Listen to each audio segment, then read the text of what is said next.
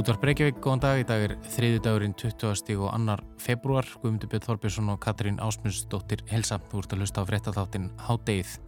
Rúsnest herlið helt inn í austurluta Úkræni í nótt að beðinni Vladimir Putins Rúslandsfósita. Svo veikum skiptir hefur einrás rúsa inn í Úkrænu leið í loftinu en rúsneskir herrmenn heldu inn á Dombassvæðið í austurluta landsins í nótt aðeins nokkrum klukkustundum eftir að Putin viðkendi sjálfstæði alþjóðliðvildana Luhansk og Donetsk. Hlutirnir gerast hratt á Dombassvæðinu nú og Evrópa leikur á reyði skjálfi vegna tíðinda næturinnar. Jón Ólofsson, profesor við Háskóla Íslands og sérfræðingur í málefnum Rúslands verður gestur hátegisins í síðar hluta þáttarins.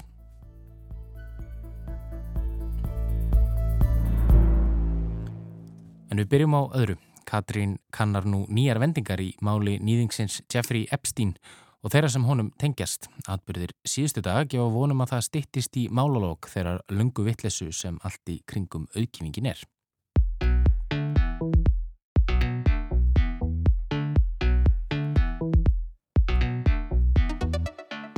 Mikið vatn hefur runnið til sjávar síðan brotaþólar Epsteins og samverkamanna hann stigu fram og sögðu frá. Epstein var ákerður fyrir mannsal og fjöldagrófra kynferðisbrota gegn ólagráða stúlkum. Hann svifti sig svo lífi í fangaklefa sínum árið 2019 þar sem hann beigð réttarhalda. Ghislaine Maxwell afplánar dóm fyrir sinn þátt í glæpum Epsteins og Andrés Bretaprins var sviftur öllum tittlum og hlutverkum innan konungsfjölskyldunar fyrir þátt sinn í málinu. Á laugadaginn fannst svo fyrverandi samstarfsmaður og félagi Epsteins, frakkin Jean-Luc Brunel, látin í fangaklefa í París. Franska lauruglan segir að fyrstu aðtúanir bendi til þess að Brunel hafi svift sig lífi, rétt eins og Epstein gerði, en dauði Brunelsverði rannsakaður í þaula. Ófáar samsæriskenningar kviknuðum um hvernig andlát Epsteins bara að, hvort hann hefði í raun svift sig lífi eins og réttarmeinafræðingur staðhæfði eða hvort brauð hefði verið í tabli. Og líklegt er að fráfall Brunels verði ólíja á eld slíkra kenninga og jafnvel kveikja hann að nýjum. Brunel þessi var handtekinn í árslók 2020 og ákjærður fyrir nöðgun, barnaníð og kynferðislega áreitni og auk þess var hann grunaður um aðildað mannsali á stúlkum undir lögaldri meðal annars í tengslum við mál Epsteins. Brunel rak umbóðskrifstofu fyrir tísku fyrirsætur sem Epstein fjármagnaði að miklu leiti og ófáar fyrirsæturnar stigu fram og ásökuðu Brunel um kynferðislega áreitni og ofbeldi sem leti svo loks til handtökunar. En þetta eru þó ekki einu nýlegu tíðindin af málinu. Í bandaríkjónum örðu vendingar í yfirvofandi réttarhaldum yfir Andrési Bretaprins. Virginia Guffrey einn brotaþóla Epsteins hafðaði yngamál gegn prinsinum eftir að Lundúnalauruglan ákvaða að láta málennar niður falla. Hún sakar prinsinum að hafi nokkur skipti beittana kynferðistlegu ofbeldi fyrir tilstilli Maxwells og Epsteins þegar hún var aðeins 17 ára gömul. Síðan þá hafa Andrés og allt hans lögfræðiteimi reynd allt sem í þeirra valdi stendur til að koma í veg fyrir að málið fari fyrir domstóla. Og það verðist loks hafa borið árangur. Í síðustu viku náðist samkómulag milli Goffrís og prinsins þar sem hveðir á um að Andrés greiði umtalsverðar fjárhæðir til góðgerðarsamtaka að vali Goffrís. Í staðin fer málið ekki fyrir rétt. Og þá hvað loks við annan tón hjá Andrési sem nú loksaðist harma öll sín kynni við bandaríska barnanýðingin og hann hrósaði goffri fyrir hugrekki sitt, saðist standa með brótaþólum kynferðisofbeldis. Og þar kannski vonaðast hann til þess að málinu og fárinu allt í kringum það erði lokið, en allt kom fyrir ekki. Um leið og frettir bárust af samkómulæginu hófu samtök gegn breska konungsveldinu að kall eftir svörum við því hvaðan þessir umtalsverðu fjármunir sem Andrés samtum að greiða til góðgjara samtaka kæmu. Hvort Andrés sem hefur haft að æfistarfi að vera meðlimur konungsfjölskyldunar þegar greiðslur úr sjóðumennar í gegnum tíðina og fær nú lífeyri frá konunglega sjóhernum ætli að fjármagna sáttagreðslunar með skattgreðslum bresks almennings. Því að þótt leint kvíli yfir samkómulæginu er talið að sáttagreðslan geti hlaupið á miljónum punta. Lögfræðingurinn Mark Stevens segist telja að það séu jafnvel 10 miljónir punta sem hann heldur að prinsinn hafi haft til ráðstöfunar eftir nýlega sölu á skíðaatkvarfi hans. Uh, he sold his ski chalet, which was worth $25 million in a fire sale for 18 million, and he cleared about 10. I imagine he's had to pay all of that over to Virginia Joffrey. Þá telja konungsfjölskyldu spekulantar að máli prinsins verði í raun aldrei lokið og að hugsanlega dragi það dilka á eftir sér í einhver tíma fyrir konungsfjölskylduna alla og hafi þar að leiðandi áhrif á þjóðarýmyndina sem konungsfjölskyldunni sé ætlað að verja. Eða eins og Tessa Dunlop, sagnfræðingur í málefnum konungsfjölskyldunar og Antila Levin æfisöguriðarinnar segja the stench will hang around not only Andrew, but also sadly the royal family for some time to come. This is hanging over the country and the royal family, and there's no real way of cutting it off. Þá benda þær á misræmið og þessar skindilegu afstöðu beigju prinsins. It was about three years ago that Andrew believed he could bluster his way out of this. Not only not uh, regret a friendship with a convicted paedophile, but fail to express any empathy for the victims. You know, talk about royal entitlement. En það segja kannski hafa hann ekki átt neittna annar að kosta völ. Þrýstingurinn úr konungsfjölskyldunni hafi verið slíkur, en eins og Levin bendir á.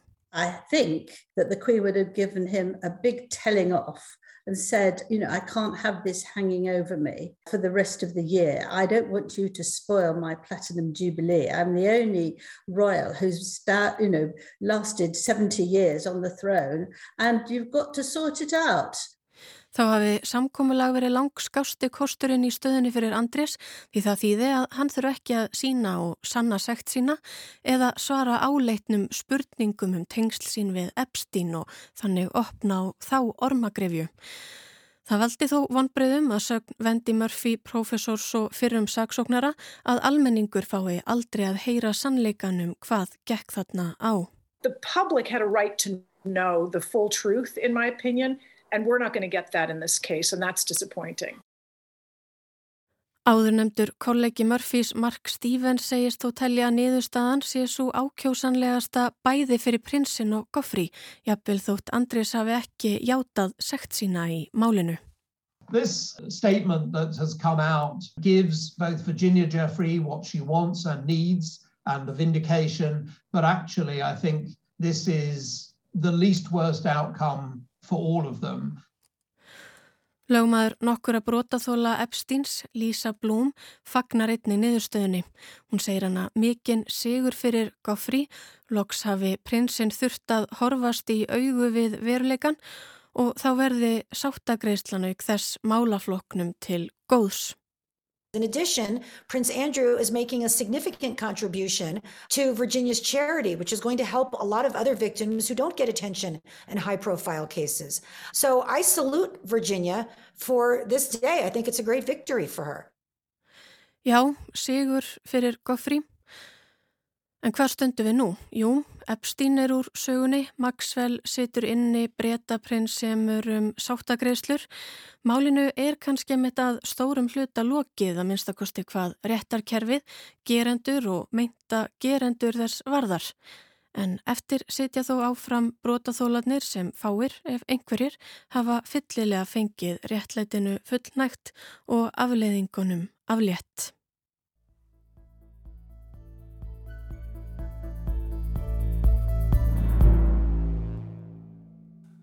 En þá að máli málana um þessar myndir Vladimir Putin, Rúslands fósiti fyrirskipaði í gerðkvöld að rúsnest herliðirði sendin í austurhluta Úkrænu eða það sem er kallað Donbass svæðið.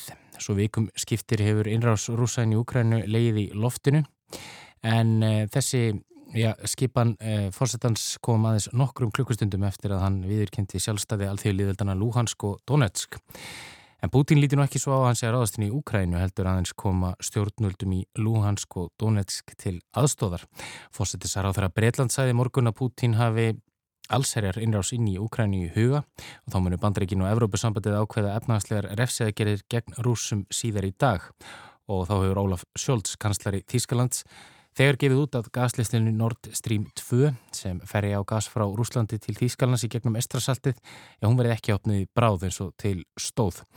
Hlutnir gerast hratt á Dombass svæðinu og Evrópa, já leikur á reyðiskjálfi og ráðamenn á Vesturlundum eh, sömulegis vegna tíunda næturinnar. Hingaði komin Jón Ólafsson, profesor við Háskóla Íslands og sérfræðingur í málöfnum Rúslands. Velkomin Jón. Takk.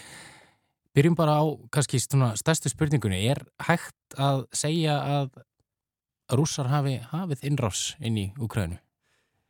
Já, ég held það um leið og, og við erum að sjá rúsnest herlið, uh, hvort sem það eru brinnvarðir bílar eða skriðdrekar fara yfir hinn alþjóðlega viðkjöndu landamæri í Ukrænu, þá er það ekkit annað en innrás, samkvæmt öllum svona alþjóðlegum skilningi á því.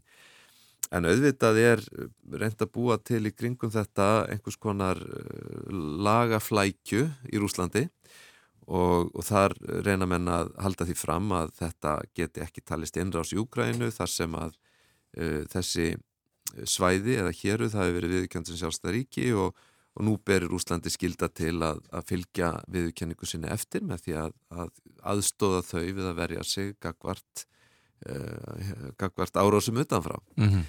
þannig að, þannig að þarna er svona búið til orðalag og, og, og mælskulist sem að, að eins og sé hægt að rýfast eitthvað um það en, en auðvitað er þetta ekkit annað en einrás Einmitt. Við töluðum saman hérna þessum í, í hátteginu hér fyrir rúmri viku síðan og, og þá saður okkur fyrir því að í dúmunni þá væri þau að, að, að leggja til þá álíktun eh, sem færi svo inn á bortbútín sem að maður lýsa yfir sjálfstæði Luhansk og, og Donetsk. Það væri svo í hans höndum að ákvæða hvað hann gerði við það og við vorum svo sem ekki með neitt tímarama á því hvað hann myndi gera. Eh, hann ákvæði svo að gera það í ger og, og þessi ákvæðun kemur svo strax í kjölfarið er það eitthvað sem, sem kemur á óvart? Sko, ég held að maður, að maður horfir á spurninguna um það að viðukenna sjálfstæði hér að hana, að þá hefur hún auðvitað verið til umræðu síðan uh, þessir aðskilnaði sinna tóku þarna völdi. Já, 2014. 2014 og, og, og maður getur spurt af hverju er þetta ekki búið að gerast fyrir löngu og það var enda reitt að því sem Putin sagði gæri, hann sagði að það er löngu komin tími til að gera þetta. Mm -hmm. En ég held að ástæðan fyrir því sé kannski fyrst og fremst svo að það er í rauninni ekki það hagstaðasta fyrir, fyrir rúsa og við höfum auðvitað séð um, séð herin standa þarna tvístíðandi við landamærin svona lengi og það hefur verið alls konar sögursagnir um það að það sé verið að reyna að búa til einhvers konar yfirskinn sviðsetja einhvers konar átök sem að gera uh, hernum kleft að fara þarna inn. En það er augljóst að rúsar hafa heldur forðast að stíga þetta skref vegna þess að það flækir stöðuna að þá er ekki lengur bara við uh, Evrópu og Úkrænu að eiga heldur er þetta allt í unni búið að búa til lögmætt stjórnvöld sem að getur verið, fló, getur verið flókið að vinda ofan að því. En úr því að þetta er gert núna þá held ég að það síni líka að rúsar eru komnir í afskaplega þraungastöðu uh, það eru bara svona hérna tíðarfarslegar uh, ástæði fyrir því að það er ekki sniðut að býða mjög lengi með að fara þarna inn ef að það var að gera á annar borð. Um, og, og hérna og ímislegt sem að, að gerir byð óæskilega, menna perin er ekkit búin undir það að hanga þarna endalaust. Og, og, og þannig að, að Putin hefur greinlega reiknað það út að, að það sé ekkit annað í stöðinni, hann hefur ekki trú á þessum samningaviðræðum, það er rúsar eru alveg á því að, að það sé enga líkur á því að úkrænumenn vilji standa við þetta minnsk samkómulag og fari í, viðræður á þeim grundvelli af einhverju viti. Þannig að eh, reiknistæmið er bara þannig að þetta sé eh, það skref sem að hendar best núna þó að það hafi þessar svona eh, flækjur í för með sér.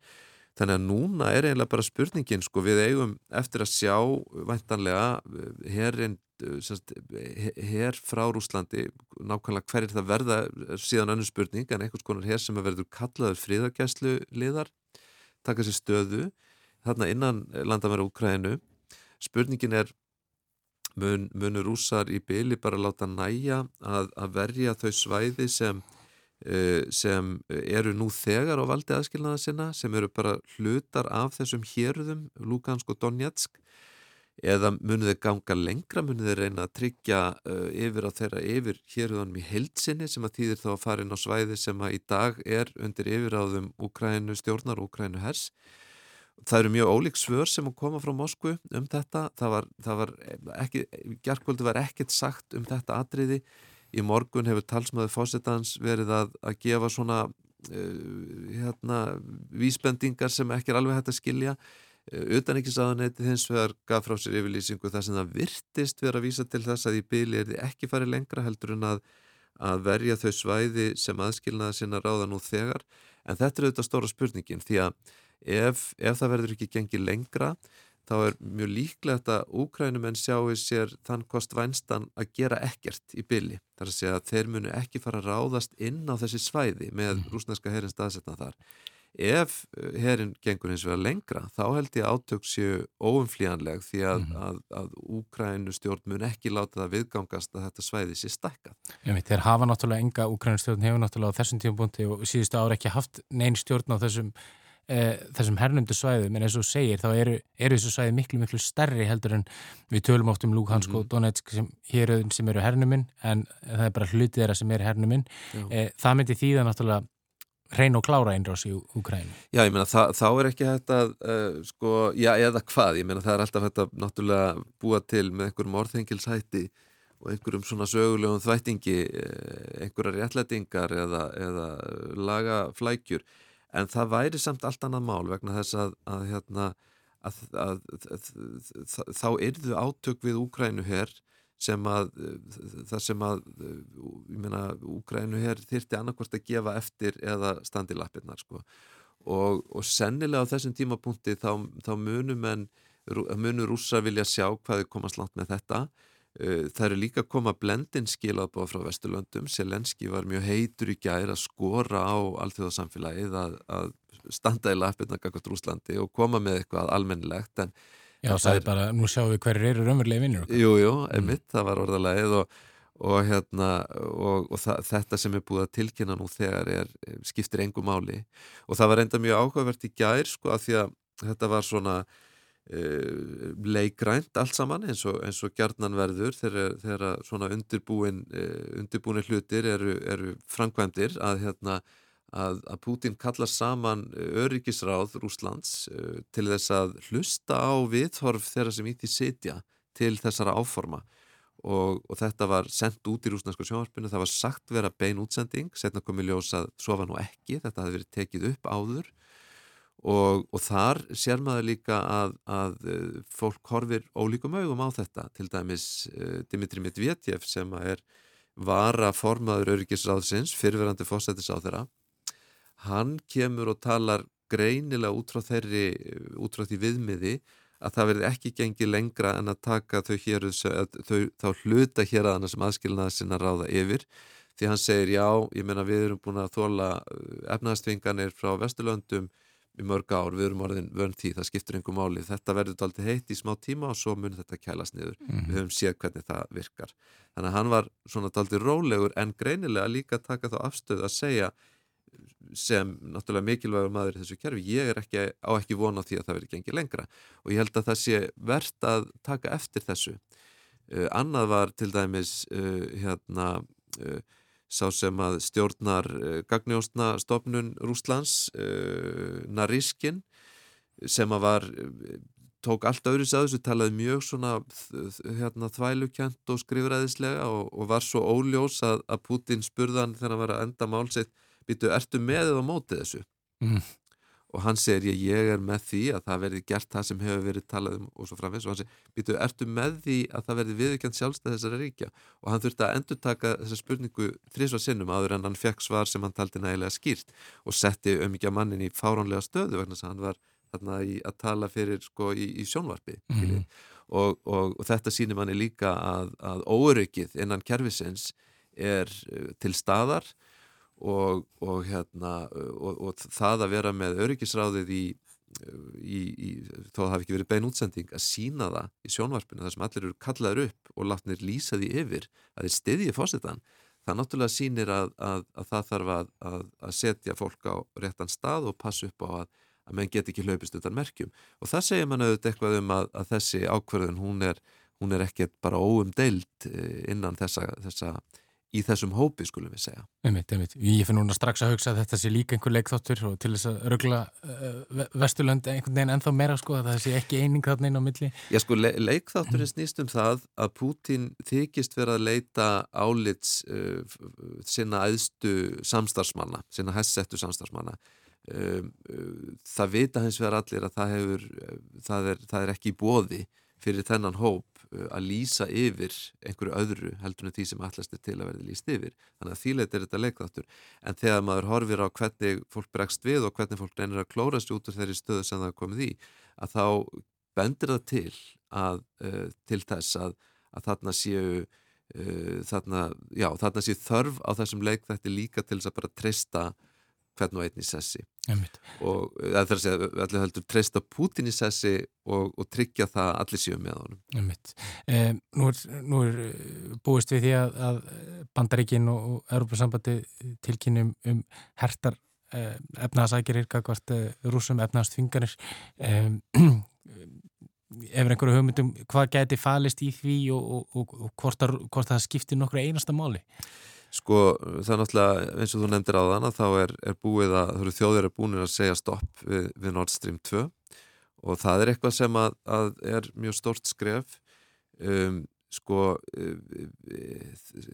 málið er held í það að, að, að allar efnahagstvinganir sem eitthvað býta á rúsum eru líka sásökafullar fyrir þá sem beita þeim. Og, og, og það hefur bara einfallega ekkert verið sagt fyrirfram um um þetta. Þetta er allt svona vangaveltur.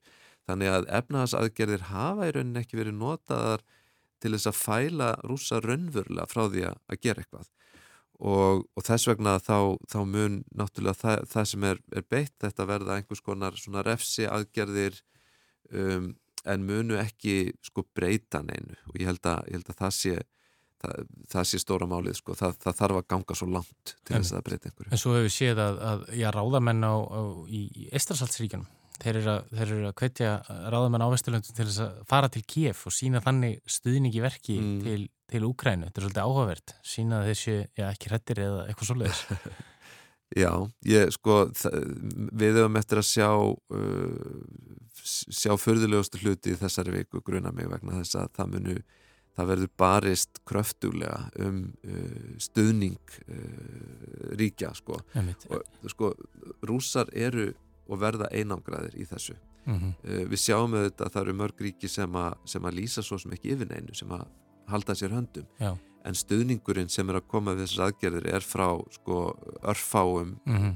það er Venezuela og Nicaragua já, já. og svo framvegð sko og, og hérna um, og ég held að, að, að það sé kannski svona þegar þetta er lengri tíma er litið uh, það sem að, að skiptir mestu máli að rúsar eru að stíga skrefi átt að einangrun sjálfra sín og, og hérna og ég held að þó að Dimitri Medvedev sé svona bjart síðan að halda þetta kælist á nokkrum árum þá gruna mig að það að sjá hluta Úkrænu raunverulega hernumda þó að það sé undir merkjum einhvers yfirlýst sjálfstæðis það mun ekki uh, sko, uh, það mun ekki sitja og, og hérna og hvort sem að menn beita svona symbólskum aðferðum að mæta á staðin eða, eða eitthvað slíkt sko uh, það verður það, það verður margt að gerast í þessari viku ég, sem við sjáum kannski ekki alveg fyrir í dag. En við við komumst ekki lengra í dag. Kæra þakkir Jón Ólusson hátið verið hér aftur á sama tíma á morgun, verið sæl